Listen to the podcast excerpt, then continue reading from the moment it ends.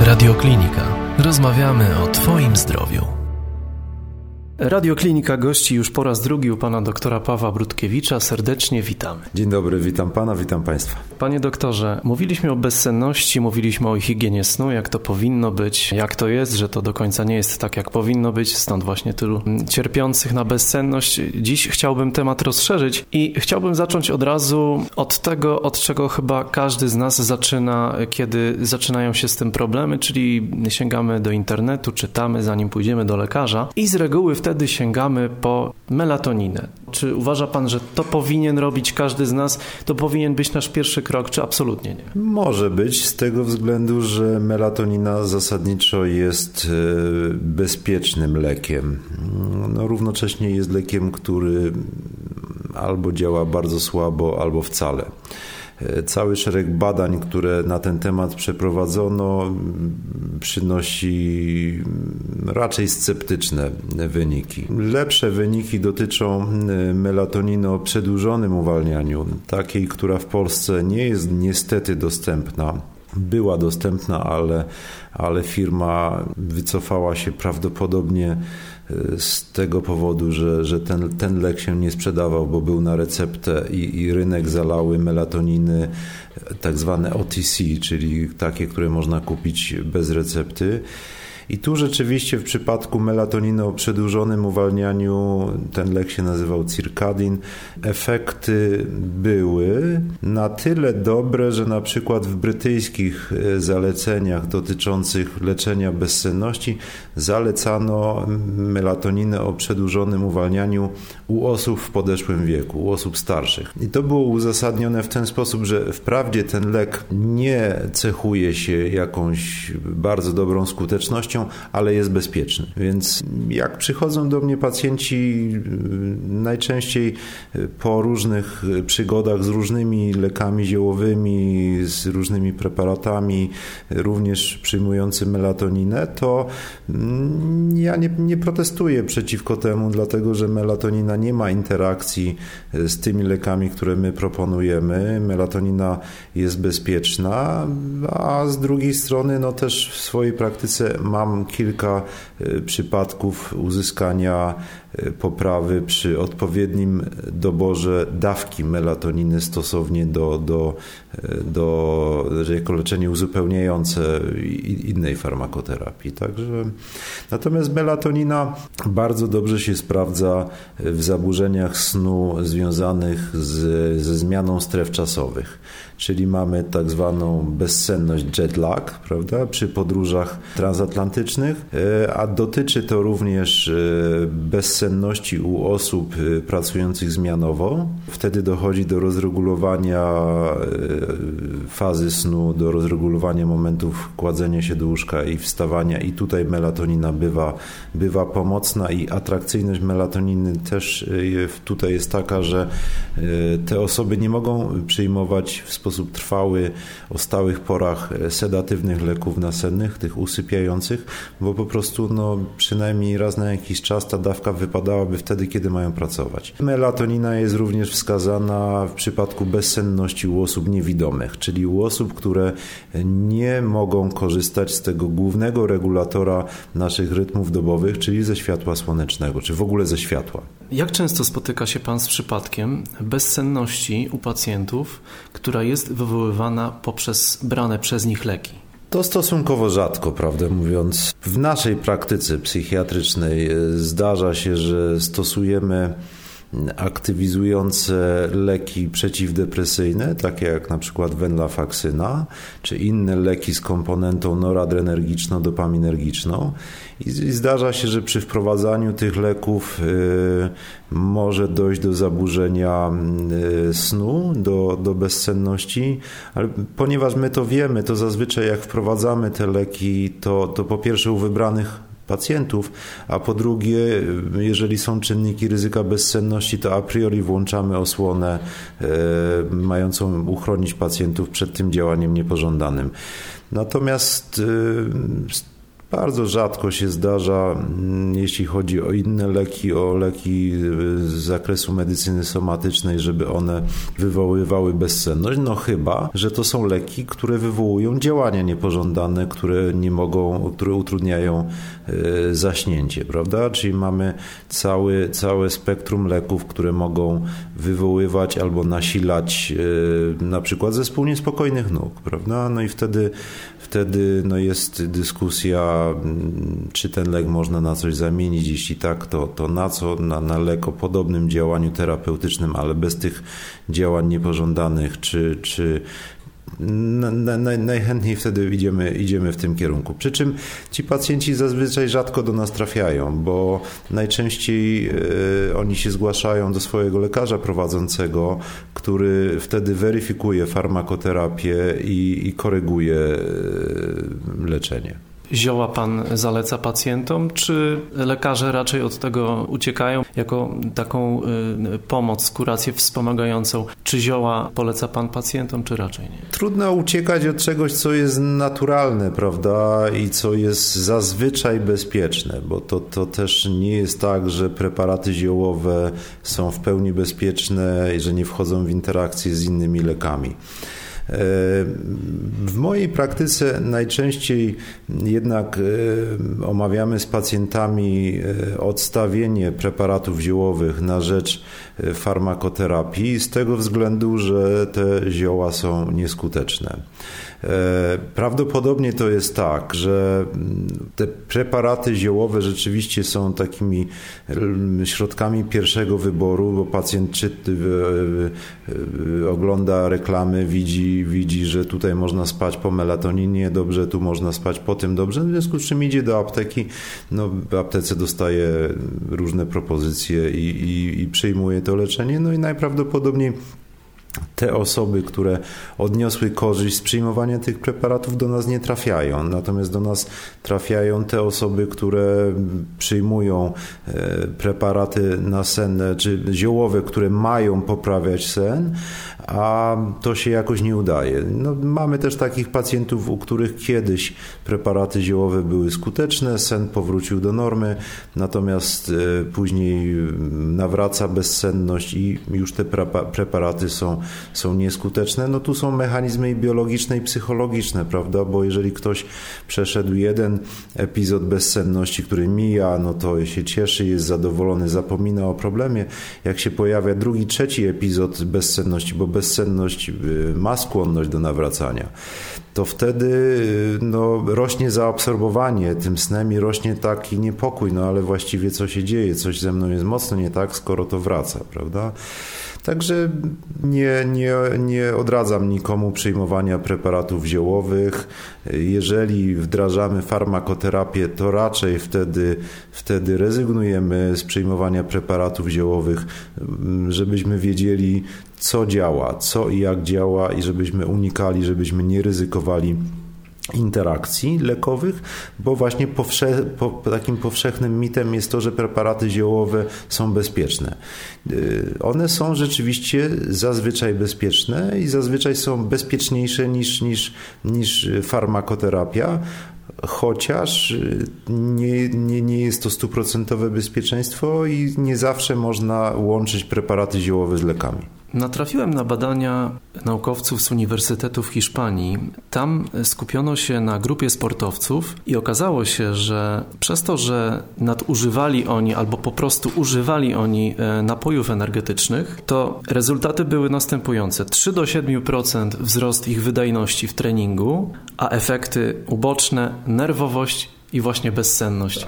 Pytam o to, bo ja widzę energetyki, napoje energetyczne u moich kolegów w pracy, u znajomych y, spoza pracy. To jest naprawdę niezwykle popularne. No to jest chyba no, niepokojące zjawisko. Rzeczywiście, no to jest niepokojące zjawisko i tak jak mogliśmy sobie swobodnie przed chwilą rozmawiać o preparatach ziołowych, to już w przypadku tych napojów czy preparatów energetyzujących, mających dawać kopa, mających pobudzać, mających dawać jasność umysłu, to już ich obojętność dla organizmu nie jest pełna, prawda? No oczywiście te preparaty nie, nie są przebadane, nie, nie, do, nie do końca wiadomo, jak one działają, natomiast no, mm, powiem tak, że jeżeli na przykład mamy przejechać z Polski do Hiszpanii, prawda, i, i, i spotkać się z badaczami albo poleżeć na plaży, to wtedy rzeczywiście no,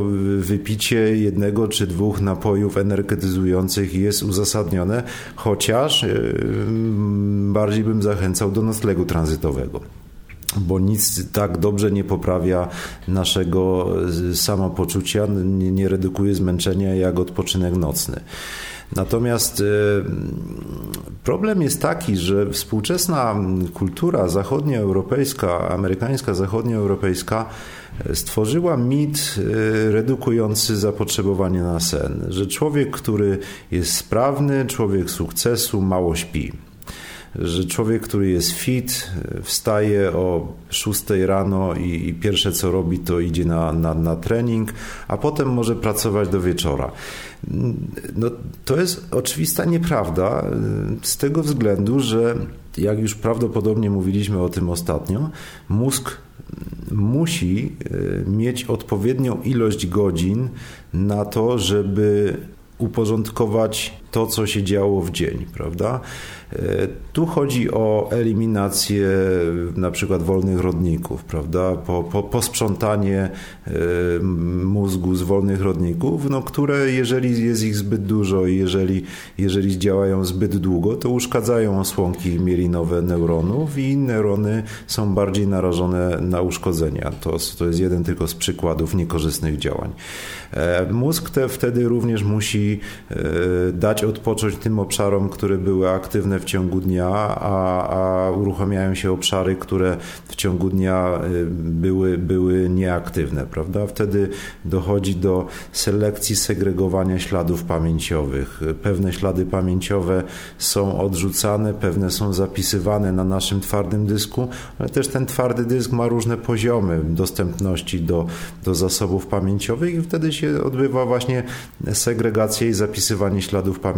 Więc jeżeli chcemy być efektywni intelektualnie, a tu głównie mówimy, pan zaczął od, od sportowców, prawda? No to jest dosyć specyficzna grupa, która, która chce różnymi sposobami osiągnąć lepsze efekty. No te efekty zazwyczaj, nawet jeżeli są osiągane, to, to za nie się płaci jakąś cenę zdrowotną albo, albo prawną. Natomiast y, ta potrzeba stosowania napojów energetyzujących y, w naszej populacji, wśród ludzi takich jak my, zazwyczaj jest po to, żebyśmy tak naprawdę mogli dłużej być aktywni y, intelektualnie. To jest błędne koło, bo mm, no, my stymulujemy swój organizm, bo stymulujemy mózg, ale również cały organizm, prawda?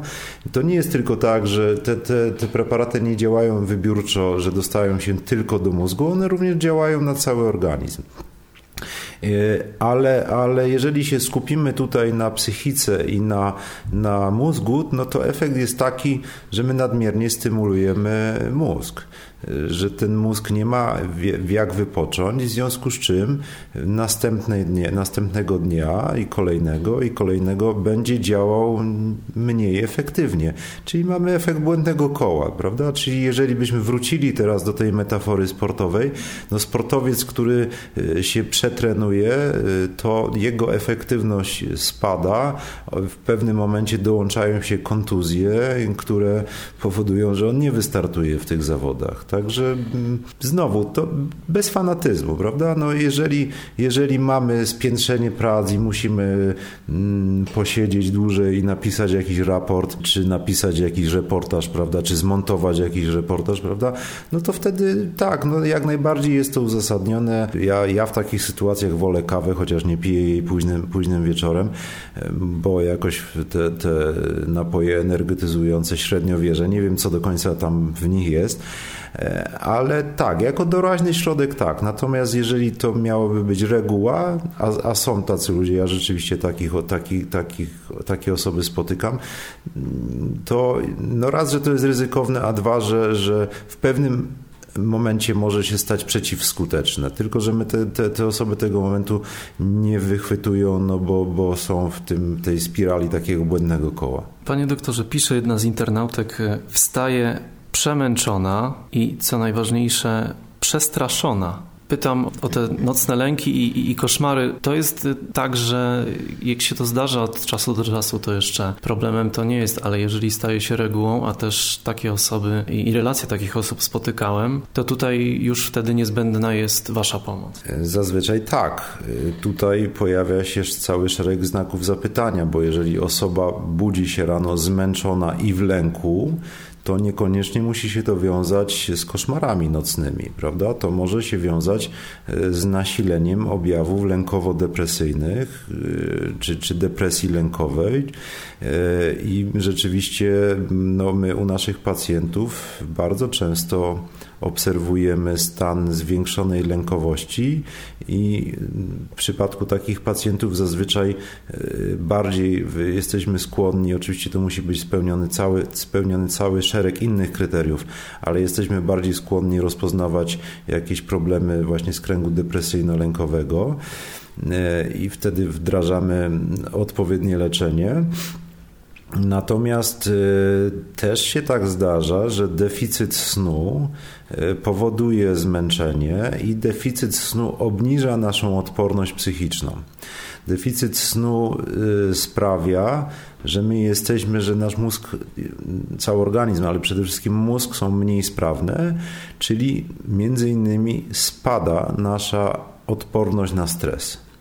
Czyli podobnie jak w bakteriologii, y, nasza reakcja na stres zależy od tego, na ile jesteśmy odporni, na ile nasz układ psychiczny, czy tak w przypadku bakterii immunologiczny, y, jest odporny, jest przećwiczony w reakcjach bojowych, prawda, czy obronnych, a na ile tych bakterii albo, albo, albo stresów jest, jaka jest ich ilość, jaka jest ich jakość. I tutaj no, to jest y, równowaga i, i staramy się zawsze y, tą, tą równowagę mieć po swojej stronie, chociaż zdarza się, że nie wytrzymujemy psychicznie. Natomiast deficyt snu w sposób jasny prowadzi do osłabienia, obniżenia zasobów mózgu, również do, do mm, mniejszej odporności na stres i wtórnie większej skłonności, większej podatności na reakcje lękowe. Natomiast koszmary nocne to mm, jest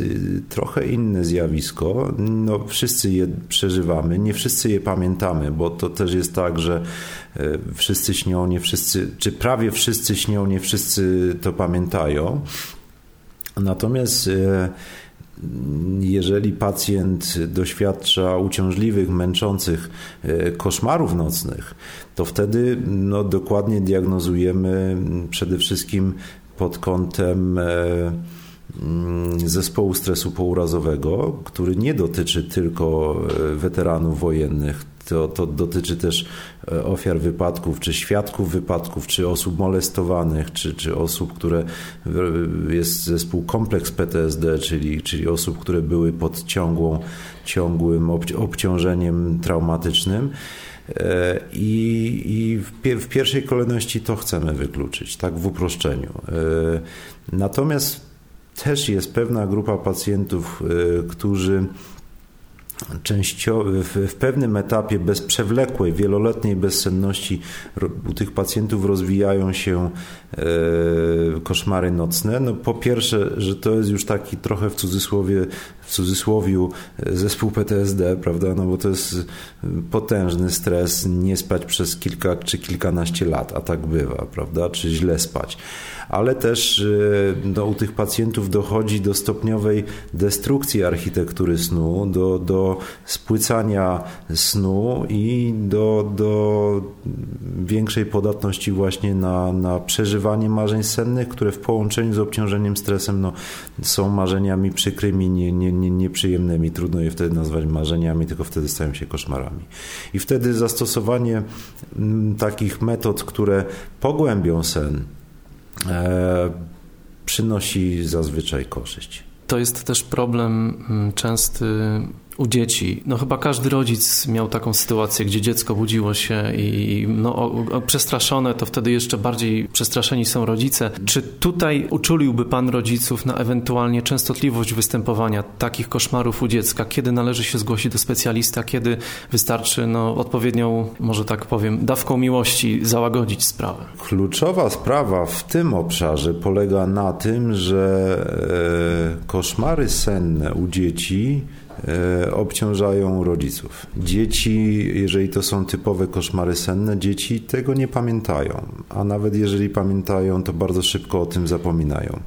I kłopot polega na tym, że dorośli są przerażeni, dorośli są bezradni i rozkręca się takie, takie myślenie, no coś z moim dzieckiem jest nie tak. I najczęściej wystarczy zdać sobie sprawę, że e, rzeczywiście w pewnym wieku u dzieci koszmary nocne występują, e, że u znakomitej większości tych dzieci koszmary nocne mijają. E, i, i nie świadczą one jakoś o, o, o, zaburzeniu zdrowia, tylko są pewnego rodzaju, no, może nie fizjologią, ale taką no, dosyć naturalną reakcją na straszne obciążenie, jakie dla kilkulatka stanowi mm, poznawanie nowego świata i nauczenie się nowych czynności. No, no my ten świat w miarę dobrze znamy, ale i tak jesteśmy pod presją i, i mamy, jesteśmy sprawni ruchowo, intelektualnie sprawnie mówimy. Dzieci tej całej sprawności nie mają, świat jest dla nich bardziej nieznany, w związku z czym są dużo bardziej obciążone. Także w pierwszej kolejności lekarze, którzy, którzy spotykają, e, do których, do których się zgłaszają rodzice z dziećmi cierpiącymi na koszmary senne, w pierwszej kolejności zachęcają, zalecają do tego, żeby, żeby się nie bać, że to nie jest nic groźnego, żeby dziecko wtedy, jeżeli, jeżeli dziecko wstanie, się obudzi, czy, czy, czy nawet bez, bez obudzenia, że po prostu najnormalniej w świecie dziecko przytulić, pogłaskać po głowie, e, zapewnić coś alternatywnego, co dziecko w tym czasie przeżywa, czyli zapewnić bezpieczeństwo to będzie dużo łatwiejsze wtedy, kiedy będziemy wiedzieli, że faktycznie dziecku, dziecku nic nie grozi. Natomiast jeżeli takie epizody się powtarzają, jeżeli są szczególnie częste, jeżeli y, dziecko y, nie dochodzi do siebie jakoś długo po takim epizodzie, czy tak intensywnie się porusza w chaotyczny sposób, że, że dochodzi do jakichś zranień, prawda? No wtedy no też w pierwszej kolejności trzeba te mm, łóżko i okolice łóżka tak zabezpieczyć, żeby to się nie działo, prawda? No to wtedy warto się wybrać do specjalisty, który się zajmuje psychiatrią dzieci i młodzieży, czy do psychologa dzieci i młodzieży. No po pierwsze, żeby e, zweryfikować problem i jeżeli faktycznie to są tylko koszmary nocne, to wtedy uzyskujemy taki efekt, że rodzic się czuje odciążony, spokojniejszy, mniej napięty i wtedy łatwiej będzie spełniał tą funkcję zapewniającą bezpieczeństwo i opiekę. Natomiast no, też jest to możliwość na, na przeprowadzenie pełnej diagnostyki wykluczenie najczęściej albo potwierdzenie jakichś, jakichś głębszych problemów ze snem. Panie doktorze, kolejną taką, y, no chyba powiedziałbym bardzo częstą, bardzo częstym problemem y, jest bezdech i chrapanie. One też występują często razem. Ja znam relacje małżeństw, bo teraz mówię o, mówimy o rodzinie, jesteśmy dalej w temacie rodziny. I to jest często tak, że ten bezdech i chrapanie to jest już problem obojga małżonków, zwłaszcza, że wiadomo, że małżonkowie no, chcą być blisko, nie jest rozwiązaniem problemu spanie osobno. Problem niezwykle szeroki, wiem, że zapewne nie będziemy w stanie tego wyczerpać, natomiast chciałbym zapytać, czy istnieje metoda skuteczna, rzeczywiście zweryfikowana metoda walki z tym, z tym problemem? Bo ja e, szczerze mówiąc spotkałem tyle różnych poprzez różnego rodzaju aparaty, plastry, farmakologię. Tego jest tak dużo, że osobiście zaczynam się w tym gubić, a, a co dopiero pacjenci. Tak, no to jest problem e, wielodyscyplinarny. My rzadko, psychiatrzy rzadko się tym problemem zajmujemy, gdyż to tym problemem się głównie zajmują laryngolodzy i pulmonolodzy, chociaż czasami odgrywamy rolę wspomagającą. I to jest, to jest problem złożony, do którego no, można podchodzić wielopiętrowo, prawda? Po pierwsze diagnostyka.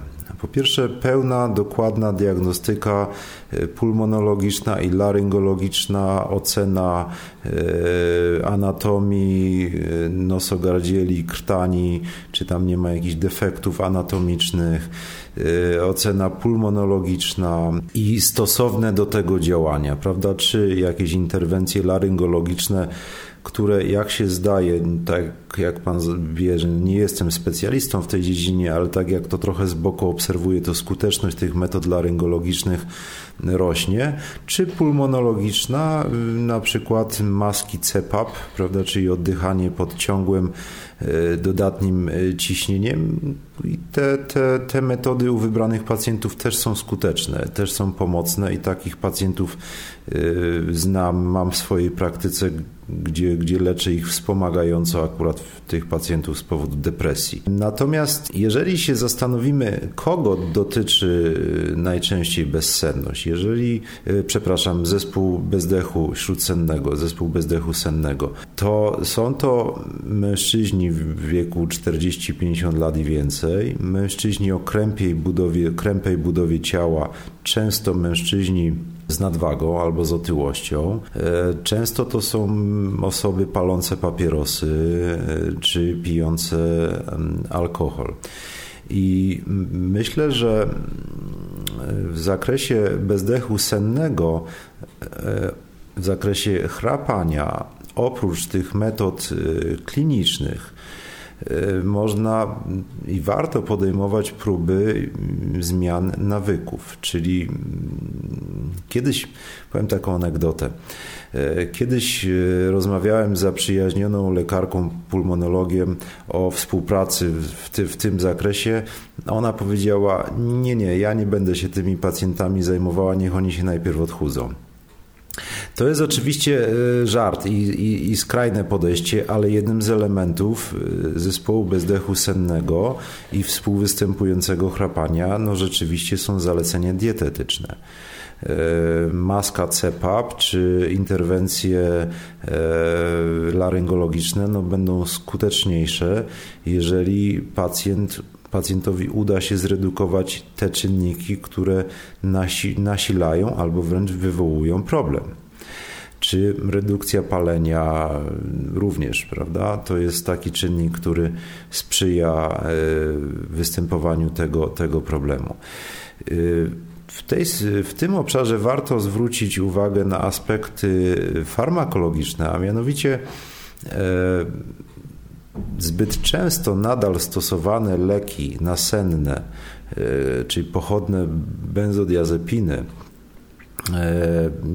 pogarszają, e, pogarszają stan zespołu bezdechu sennego. To, to jest dlatego, że te leki mają kilka kierunków działania i jeden z, jednym z tych kierunków jest, jest działanie usypiające, ale równocześnie te leki w jakimś stopniu, w zależności od leku, e, zmniejszają napięcie mięśniowe. E, to dotyczy również e, okolicy gardła i szyi, i wtedy no, przyjmowanie tych leków przez pacjentów chrapiących, którzy przyjmują je po to, żeby zasnąć, nasila problem. Więc te leki są u tych pacjentów mocno przeciwwskazane. Panie doktorze, na koniec jeszcze chciałbym zapytać o tą drugą stronę bezsenności, tych problemów ze snem. Mam na myśli nie samą osobę, którą to może dotknąć, ale partnera, towarzysza, męża, żonę. Kiedy widzimy, że nasza bliska osoba w nocy no, porusza się, tak, rusza nogami, zaczyna coś mówić, e, robi różne czasem miny, czyli ogólnie mówiąc, gdzieś to wybiega poza taki nasz kanon, że jak ktoś śpi, to tak ślicznie, ładnie, jest spokojny i pięknie wygląda, zwłaszcza zwłaszcza kobiety pewnie, kiedy nas powinno to zaniepokoić, bo to często jest tak, że budzimy tę osobę, słuchaj, ty coś mówisz przez sen, coś się stało, a ta osoba e, się budzi, jak to, ja coś mówię przez sen, niemożliwe. Czy tutaj powinniśmy, panie doktorze, być zaniepokojeni, czy tak powinniśmy reagować, czy zupełnie inaczej? No przede wszystkim ten kanon no, nie jest zgodny ze zdrową fizjologią. Sen składa się z różnych faz. E, mamy takie fazy, w trakcie których rzeczywiście jesteśmy prawie całkowicie zwiotczeni, kiedy nasze wszystkie mięśnie są, są e, w bezwładzie, z wyjątkiem mięśnia sercowego i mięśni oddechowych. Tylko te pracują całe życie, całą dobę i oby tak e, było. Natomiast mamy też takie fazy snu, zupełnie przeciwstawne do, do, do tejże, czyli fazę snu ze zwiększoną aktywnością ruchową, ze zwiększoną, te, z przyspieszonym tętnem, przyspieszonym oddechem, całym szeregiem różnych fizjologicznych, ale również neurohormonalnych i hormon, hormonalnych reakcji. Sen nie jest zjawiskiem jednorodnym. Sen jest zjawiskiem cyklicznym i w ramach następujących po sobie kolejnych faz snu te okresy, nazwijmy to e, bezwładu i wzmożonej aktywności, one, one następują po sobie. I teraz, jeżeli popatrzymy mm, sobie na ludzi na ulicy, no to jednak różnimy się temperamentami, prawda?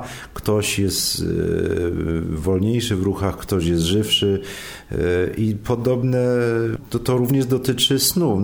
nasza, nasza, nasza osobowość jakoś w, w, znaczy nie zmienia się w nocy na inną, prawda?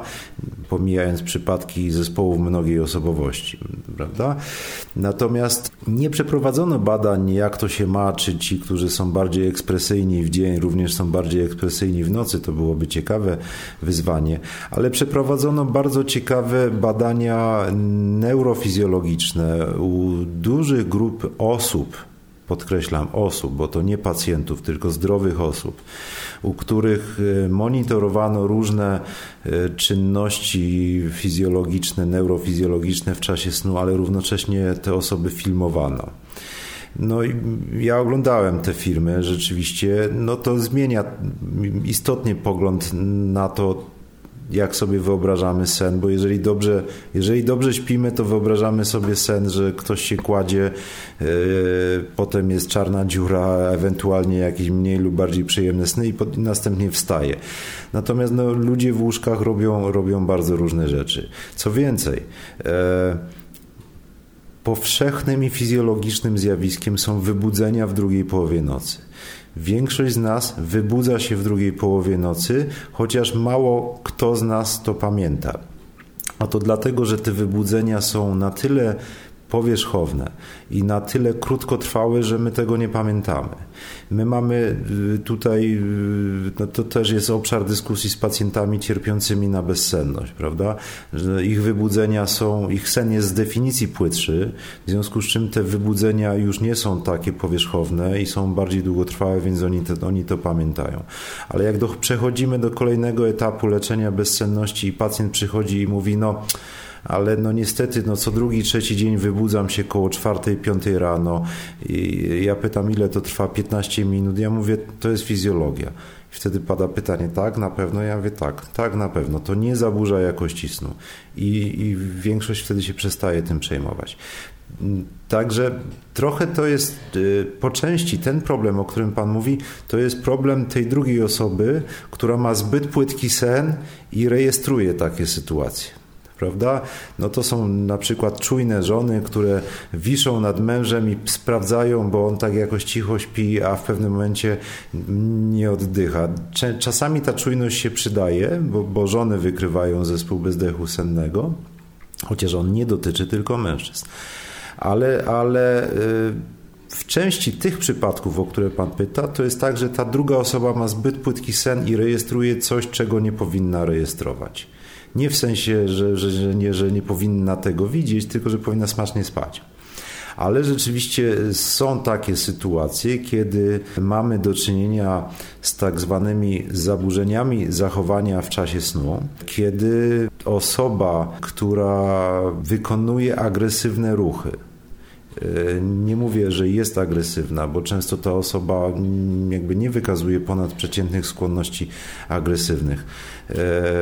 Wykonuje takie intensywne silne ruchy kończynami, że albo się rani, albo rani kogoś, z kim śpi. I to już jest problem do do zbadania i do, do zastanowienia się, czy jest wskazana interwencja i jaka. E, ten zespół zaburzeń zachowania w czasie snu e, najczęściej dotyczy z kolei starszych mężczyzn e, i wtedy drobne interwencje farmakologiczne, przyjmowanie małych dawek leków, do tego przeznaczonych zazwyczaj, zazwyczaj są pomocne. Więc to złożo, złożone zjawisko, ale na pewno nie jest tak, że jak się położymy, to, to śpimy błogo i się, i się nie ruszamy.